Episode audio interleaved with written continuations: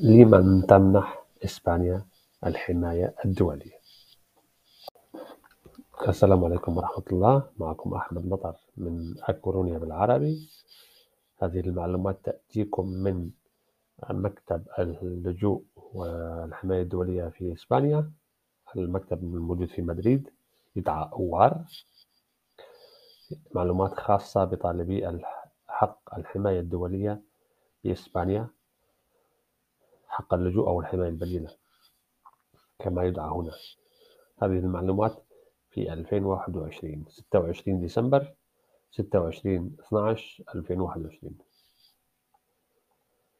لمن تمنح إسبانيا الحماية الدولية؟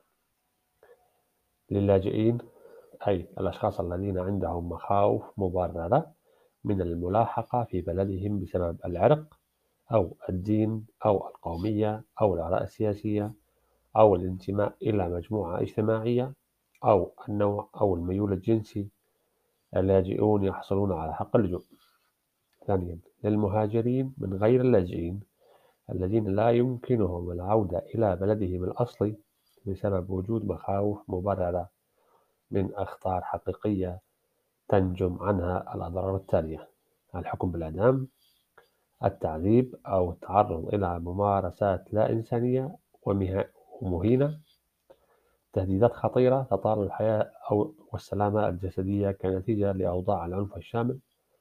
هؤلاء الأشخاص سيحصلون على الحماية البديلة. إذا كنت توجد في وضع من الأوضاع السالفة الذكر وتحتاج لحماية السلطة الإسبانية. يجب أن تتقدم بطلب الحماية الدولية.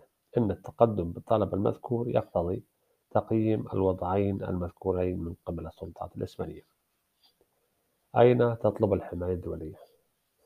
في المراكز الحدودية إذا وصلت إلى إسبانيا ولم تستطع الدخول إلى التراب الإسباني بين قوسين لأنه لا ي... في الكثير من الأحيان لا يتم قبول الطلبات من الحدود في سبتة ومليلة الأشخاص تقريبا لا يقبلون من هناك. إذا كنت في إسبانيا هذا يؤدي أنك سقطت من السماء أو جئت بطيارة. يجب أن تذهب إلى مكتب اللجوء أو في أي مكتب للمهاجرين أو في أي قسم من أقسام الشرطة المتخصصة أو في مراكز احتجار احتجاز المهاجرين. في الكامبات كنا نسميها في المخيمات متى يجب أن تطلب الحماية الدولية؟ في ظرف شهر منذ الدخول إلى إسبانيا إذا كنت في التراب الإسباني أو منذ وقوع الأحداث التي تبرر التقدم بالطلب كيف تطلب الحماية الدولية؟ يتم تقديم الطلب من طرف المعني بالأمر شخصيا وهذا مهم جدا. وإذا لم تتمكن من القيام بهذا الأمر بنفسه بنفسك لوجود عائق مادي أو قانوني يمكن أن توكل شخصا آخر ليقدم الطلب نيابة عنك.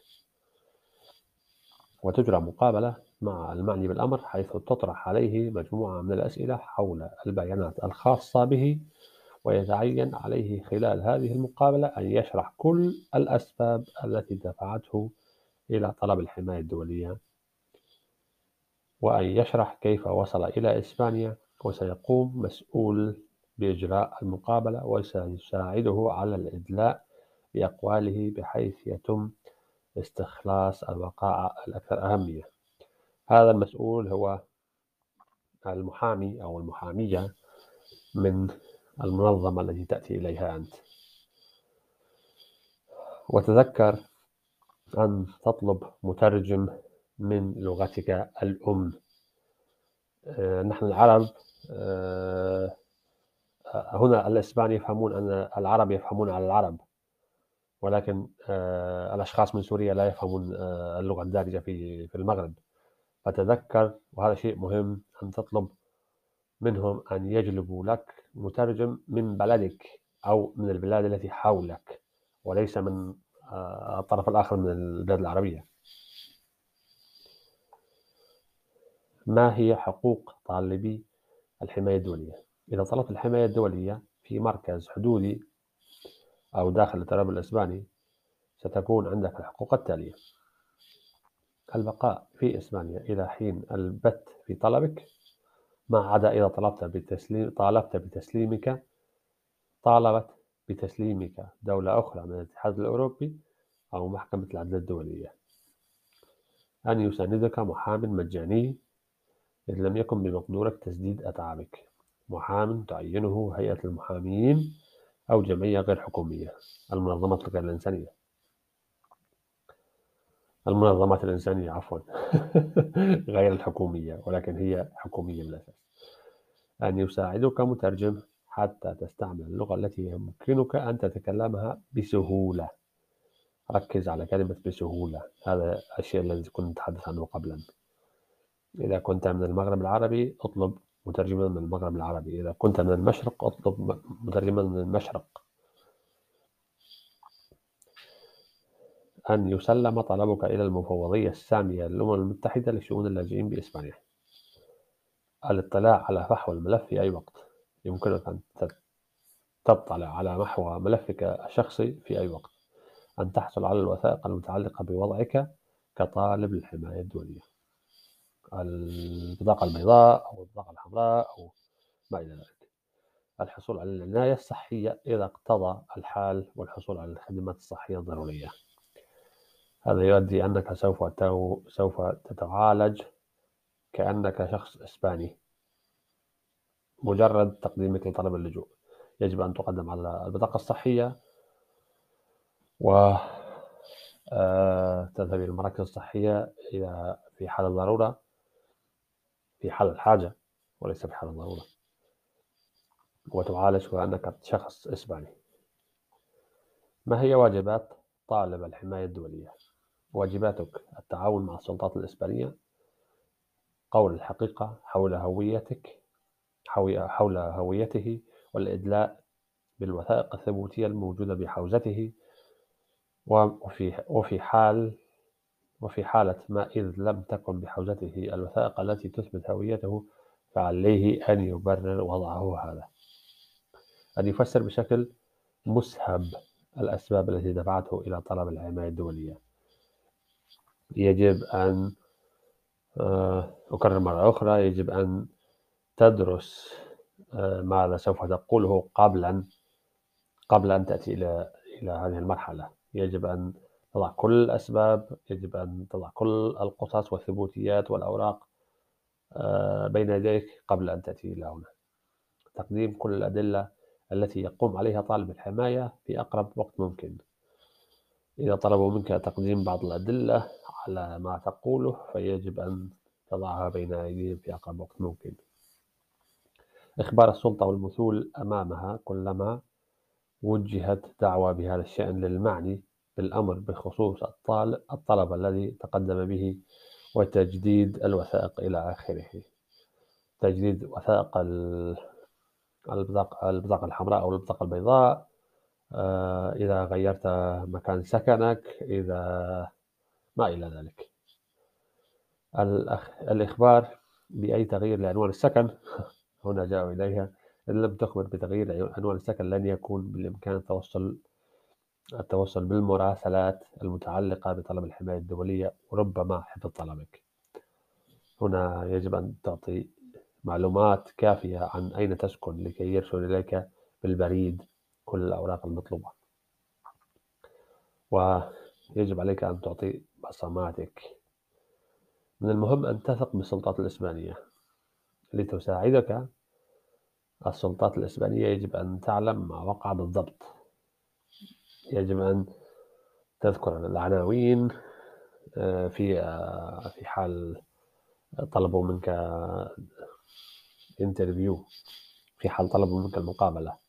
يجب أن تذكر العناوين التواقيت التواريخ يجب أن تتذكر كل شيء بالضبط كما حصل. إن لم تتحدث منذ البداية عن الأسباب الحقيقية التي دفعتك إلى طلب الحماية أو لم تكن الوثائق التي تدلي بها حقيقية فأنت تضع موضع الشك كل الإفادات والشروحات التي تدلي بها. كل ما تقوله يعتبر سريا. لن يخبر لن تخبر حكومة بلدك أبدا بالسبب الذي طلب طلبت من أجله الحماية في إسبانيا. ولن تعرف شيئا مما سردته الحكومات الحكومات الدول لن تعرف أبدا ماذا حصل لطلب الحماية في في إسبانيا. إن الأشخاص الذين يتعاملون معك موظفون ورجال شرطة ومترجمين مجبرون على الاحتفاظ بكل السرية بكل ما تصرح به يجب أن تثق بالأشخاص الذين يتعاملون معك لأنهم متعودون على العمل مع أشخاص يحتاجون إلى الحماية أه. أه. هناك بعض الأشخاص ليس لديهم الخبرة يمكن أن تتصل بالمفوضية السامية لهيئة الأمم المتحدة لشؤون اللاجئين والمنظمات غير الحكومية في أي وقت تشاء المنظمات الحكومية ممكن أن تتصل بها وقت تشاء ولكن المفوضية السامية للأمم المتحدة دائما مشغولة. يمكنك أن تعتمد على محام تكون خدماته مجانية إذ لم تكن إذ لم يكن بإمكانك تسديد أتعابه وذلك خلال كل الإجراءات المتعلقة بطلب الحماية. الأفضل أن تذهب إلى أي منظمة غير حكومية وهم يساعدونك عن طريق المحامي الموجود في هذه المنظمة. ما هي إجراءات طلب الحماية الدولية؟ المرحلة الأولى مرحلة قبول البت في الطلب نعود إليكم مرة أخرى ونتابع آه، في نفس الحلقة ما هي إجراءات طلب الحماية الدولية؟ مرحلة قبول البت في الطلب في هذه المرحلة تستثنى الطلبات التي لن تثبت فيها تبت فيها إسبانيا وإنما دولة أخرى. الطلبات التي لا تعود لا تعد أن تكون تكرار لطلبات سابقة أو طلبات التي يتقدم بها مواطنو دولة من الاتحاد الأوروبي. إذا قدمت طلبك داخل التراب الإسباني سيتم إشعار إشعارك في ظرف شهر بقبول البت في طلبك من عدمه. كما ستشعر إذا اقتضى الحال باتباع الإجراءات الاستعجالية. أيضا سيتم إذ لم يقبل طلبك عليك مغادرة إسبانيا إلا إذا كان عندك ترخيص بالإقامة. يحق لك أن تطعن في قرار رفض الطلب أمام القاضي. إذا قدمت الطلب في مركز الحدودي يجب أن تبقى في المركز الحدودي حتى يتقرر قبول البت في الملف. يجب على السلطات أن تتخذ هذا القرار في غضون أربعة أيام. أربعة أيام. إذا تقرر قبول دراسة الطلب للبت فيه يمكن أن تدخل التراب الإسباني. إذ لم يتقرر البت في الطلب أو الرفض أو رفض. يمكنك أن تتقدم بطلب الطعن للطعن في القرار يسمى إعادة دراسة الملف. من أجل إقصاء من أجل أقصاه من أجل في أجل أقصاه يومين وذلك انطلاقا من تاريخ إبلاغك بقرار السلطات التي يتوجب عليها في هذه الحالة أن تبث في الطعن في ظرف يومين. الترجمة غير صحيحة. في هذه الحالة أن تبث وليس تبت. لا أعلم لماذا يضعون الثاء ليس التاء. إذا رفض إذا رفض طلبك عليك أن تغادر إسبانيا. ولكن هناك الكثير من الأشخاص يبقون في إسبانيا بشكل غير شرعي. و يعملون لمدة سنتين ثم يقومون بطلب الرهيبة يحق لك أن تطعن في قرار رفض رفض دراسة طلب أو رفض الطلب من القاضي. إذا تقدمت بطلب الحماية الدولية في مركز احتجاز المهاجرين تتم الإجراءات حسب ما تنص عليه النقطة الثالثة أو الخامسة. لسه ما وصلنا للنقطة الثالثة أو الخامسة. وإذا قُبل البت في طلبك ستتبع في هذه الحالة الإجراءات الاستعجالية.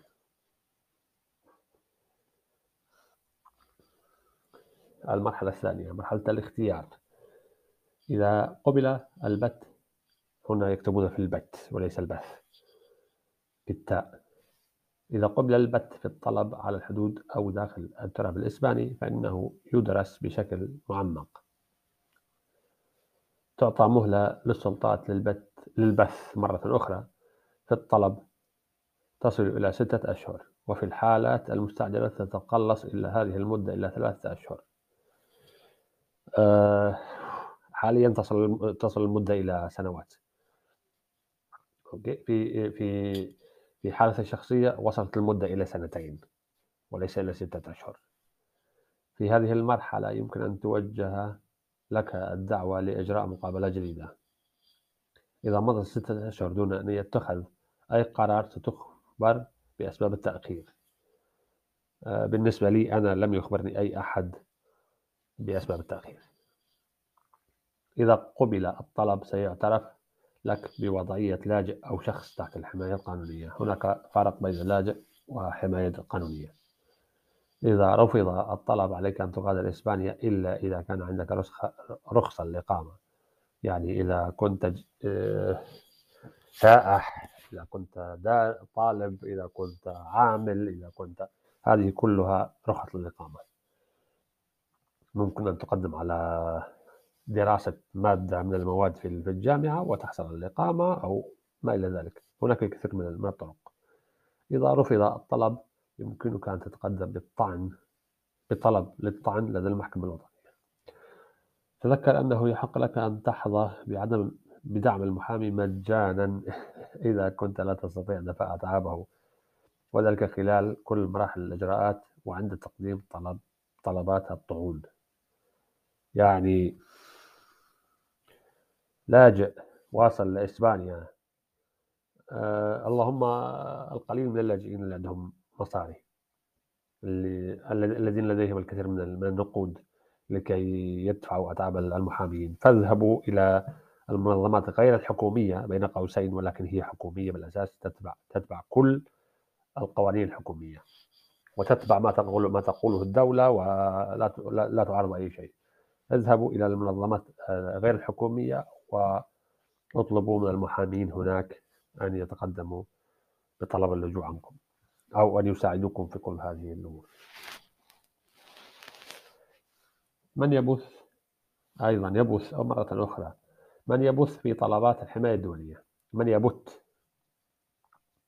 تحال كل الطلبات بغض النظر عن مكان تقديمها إلى مكتب اللجوء ليبث فيها. يعني كل طلبات اللجوء في إسبانيا تذهب إلى مدريد وهناك أشخاص في مدريد لا يعلمون ماذا يحصل في في غاليسيا أو في كولونيا أو في برشلونة ويقررون هذا موافق هذا غير موافق.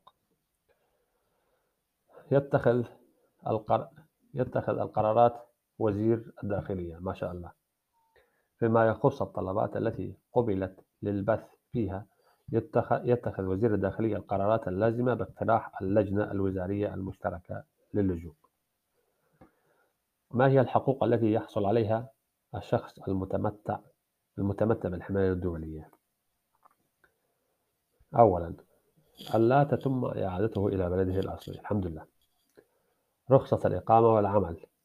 رخصة الإقامة تحصل عليها مباشرة تقريبا بعد بعد ما يكون لك آه بعد ما يقبل طلبك أو لا رخصة العمل تحصل عليها مباشرة بعد دخول الأرض الإسبانية وتقديم آه ودخولك إلى برنامج اللجوء بعد بعدها بستة أشهر مباشرة بعد البطاقة الحمراء أو البيضاء.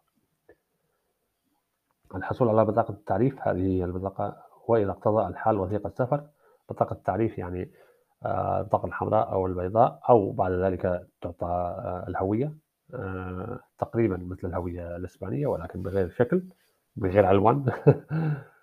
وثيقة السفر هي جواز سفر أزرق. التجمع العائلي مع أفراد العائلة العائلة المباشرين. قلنا هذا لا يكون إلا في حال آه، قبول طلب اللجوء كلاجئ وليس كحماية. كحماية فرعية أو كحماية دولية.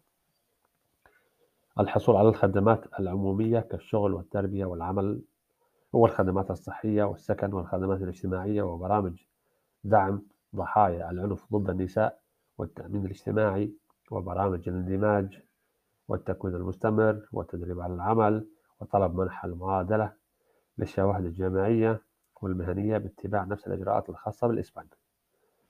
هناك الكثير من النقاط التي يجب أن إعادة دراستها مرة أخرى.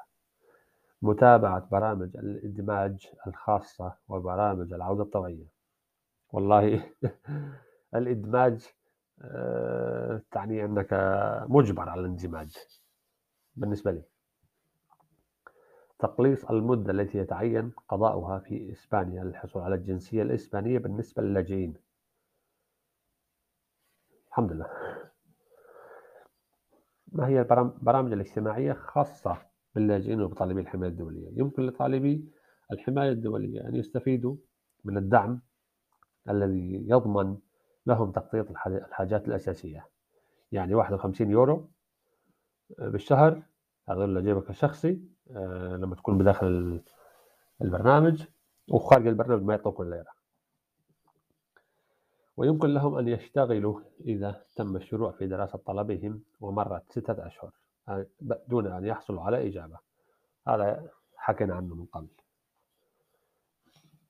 يمكن الأشخاص الذين يوجد يوجد يوجدون تحت الحماية الدولية أن يستفيدوا من الخدمات الاجتماعية والتربوية والصحية التي تؤمنها الإدارات العمومية المختصة. يمكن الحصول على معلومات إضافية لدى وحدة العمل الاجتماعي بوزارة الشغل والهجرة أو مكتب بمكتب اللجوء أو في الجمعيات غير الحكومية التي سيأتي ذكرها. إلى حد الآن قرأنا لكم ما يقارب الخمس صفحات وسوف ننهي هنا لأن الصفحة السادسة هي عناوين مهمة مكتب اللجوء أين هو موجود وزارة الشغل والهجرة والعمل وحدة العمل الاجتماعي المفوضية السامية وعناوينها جمعيات غير حكومية مثل الصليب الأحمر واللجنة الإسبانية لدعم اللاجئين وأكثم واللجنة الدولية للإنقاذ وبعدها ملحوظة يمكن يمكن الحصول على معلومات حول الجمعيات غير الحكومية المحلية التي تقدم العون لطالبي اللجوء لطالبي الحماية الدولية في نفس المكان الذي يتقدم فيه المعني بالأمر بطلب الحماية الدولية. نأتي إلى نهاية هذه الصفحات الست. ولو أنها مقسمة إلى جزئين بالتسجيل نأسف على ال... على بعض الأصوات. ونرجو أن تكونوا قد استفدتم من هذه المعلومات ونلتقي الأسبوع القادم إن شاء الله. السلام عليكم ورحمة الله. أرجو أن تكتبوا لي تعليقاتكم أسئلتكم أي شيء يدور في بالكم وأي مواضيع تحبون التعرف عليها من قلب إسبانيا. أحمد مطر الكوروني بالعربي.